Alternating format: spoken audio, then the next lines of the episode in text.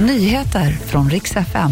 Nytt snöoväder har dragit in, varning för lömskt väglag. Och så avslöjar Peter Haber att två nya Beck-filmer är på gång.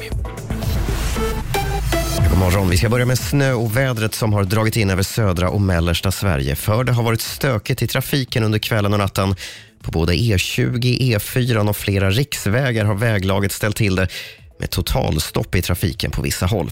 Inga allvarligare trafikolyckor har inträffat men på flera håll varnas det nu för regn som fryser på under morgontimmarna och med det svårt väglag i Västra Götaland, Östergötland, Bergslagen och delar av Småland.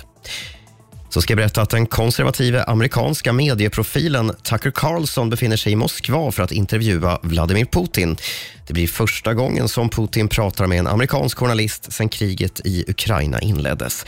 Carlson fick ju lämna Fox News i våras med buller och bång och han har tidigare uttalat sig positivt om den ryske presidenten och kallat Ukrainas president Zelensky för diktator.